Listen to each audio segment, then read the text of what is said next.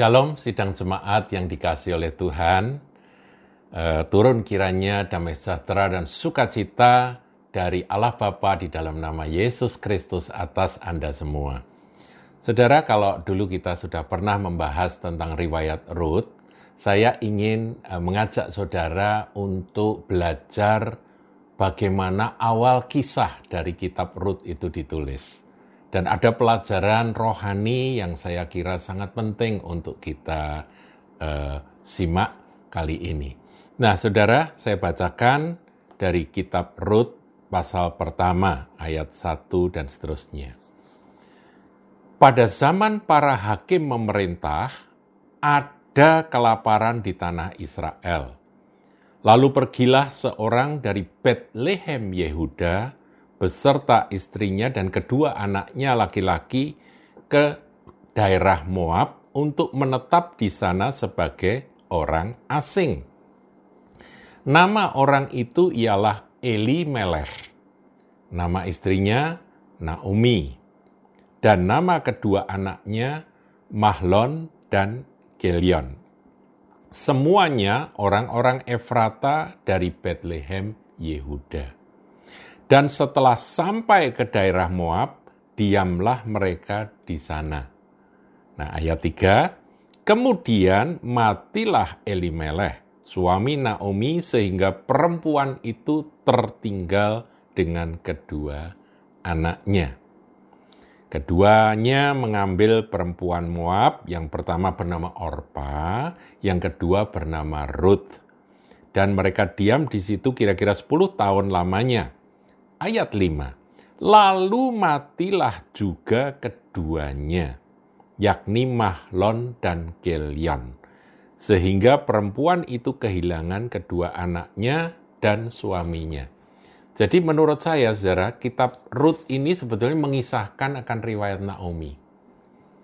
Karena yang lain-lain dari apa yang berang, uh, keluarga Naomi ketika Naomi berangkat dari Bethlehem Yehuda menuju Moab, itu semua mati. Mati di, di tanah Moab.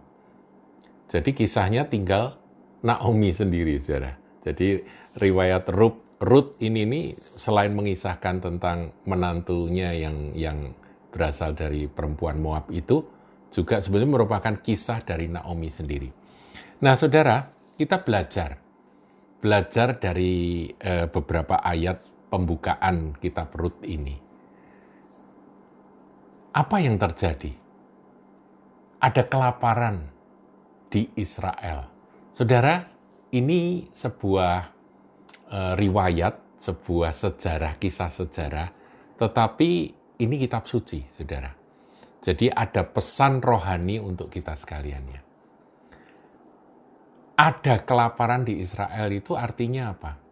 Bahwa sebagai anak-anak Tuhan, sebagai umat Tuhan, yang namanya kesulitan, kesukaran, bahkan kelaparan tanda kutip ya.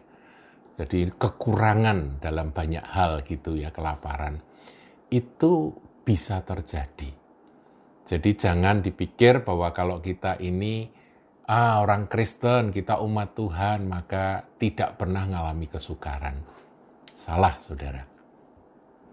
Jadi yang namanya kelaparan, baik kelaparan secara rohani maupun secara jasmani, materi ya terjadi problem-problem dalam urusan keuangan begitu ya saudara uh, itu sesuatu yang bisa terjadi. Nah, masalahnya adalah bagaimana kita merespon. Kalau ada kesulitan kesukaran, kalau ada kelaparan, bagaimana respon kita? Nah, di sini dikatakan Pergilah seorang dari Bethlehem Yehuda beserta istrinya dan kedua anaknya laki-laki ke daerah Moab untuk menetap di sana sebagai orang asing. Jadi riwayat ini diawali dengan kisah Eli Meleh dan istrinya yang bernama Naomi dan kedua anaknya yaitu Mahlon dan Kelion. Mereka pergi meninggalkan Bethlehem Yehuda.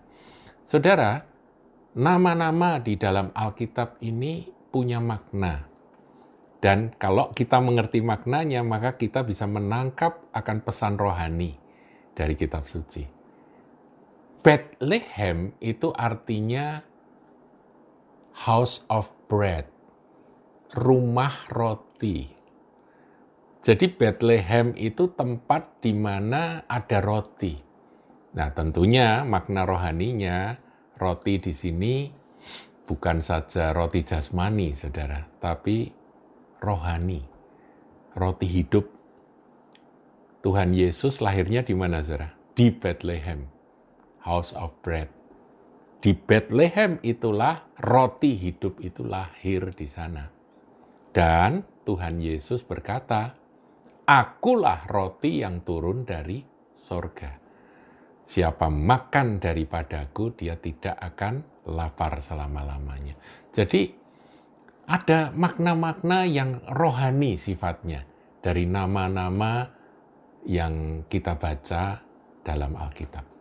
Nah, Eli Melech dan keluarganya, istri dan kedua anaknya, meninggalkan Bethlehem, meninggalkan rumah roti, meninggalkan roti hidup, meninggalkan Tuhan Yesus Kristus kalau pengertian zaman sekarang. Jangan sekali-kali tinggalkan Bethlehem Dulu ada lagu ya, saudaraku, jangan tinggalkan Bethlehem. Itu ada sebuah ada lagu-lagu uh, kor singkat ya. Ya, mengingat akan makna rohani dari ayat ini. Saudaraku, apa pun yang terjadi dalam hidup Anda, jangan sekali-kali engkau meninggalkan Yesus Kristus Tuhanmu. Meninggalkan firman Tuhan. Jadi kalau kita sedang tanda kutip ada kelaparan. Nah, kelaparan ini macam-macam, saudaraku ya.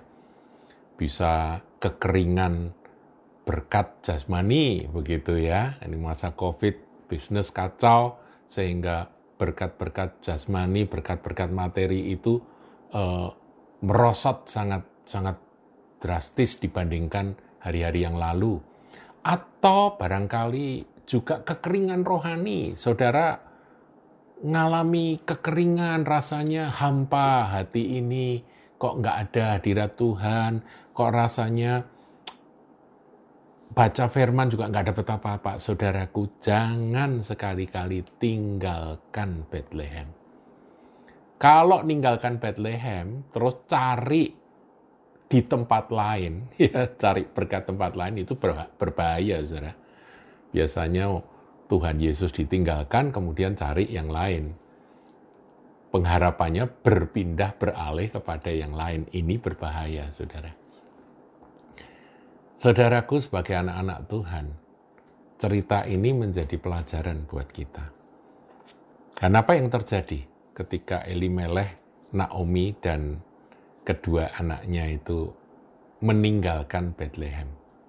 Mengerikan, saudara. Tragedi demi tragedi. Tapi saya akan eh, menjelaskan lebih lanjut. Di situ ada Bethlehem, garis datar Yehuda. Yehuda itu artinya praise. Memuji Tuhan, menyembah Tuhan. Jadi meninggalkan ibadah, meninggalkan puji-pujian kepada Tuhan, meninggalkan firman Tuhan, roti hidup ya, manusia tidak hidup dari roti saja, melainkan dari tiap-tiap firman yang keluar dari mulut Tuhan. Nah, meninggalkan itu itu adalah sebuah langkah blunder, langkah yang sangat-sangat keliru yang dilakukan oleh uh, keluarga Naomi ini. Nah, kemudian dikatakan ayat yang ketiga. Kemudian matilah Elimelech, suami Naomi. Elimelech itu artinya apa, saudara? Elimelech itu artinya adalah God is my king.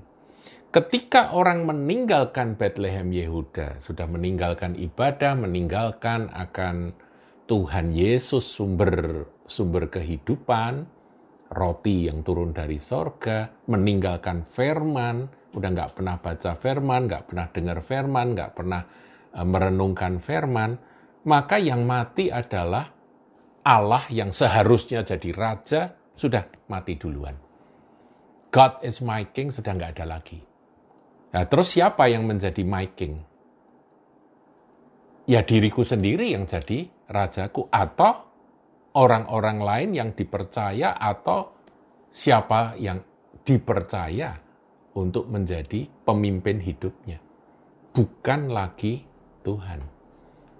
Kalau orang ninggalkan Bethlehem, ninggalkan firman, ninggalkan Tuhan Yesus, ninggalkan akan ibadah, maka yang jadi itu adalah yang pertama, matinya Elimelech.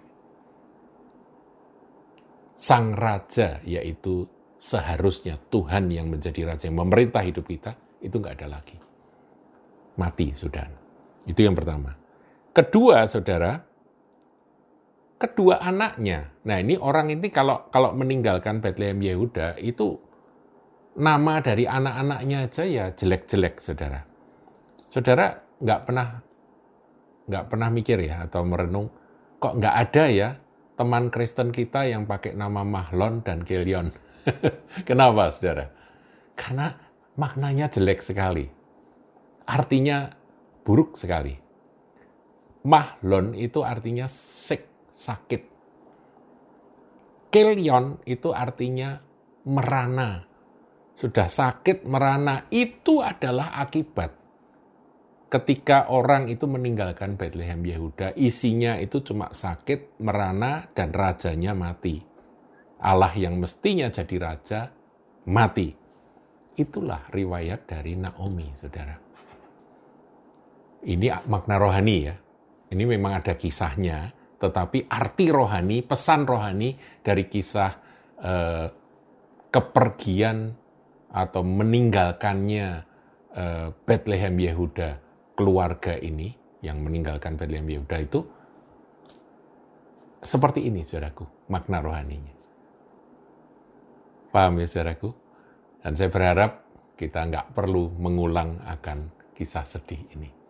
Tuhan Yesus memberkati.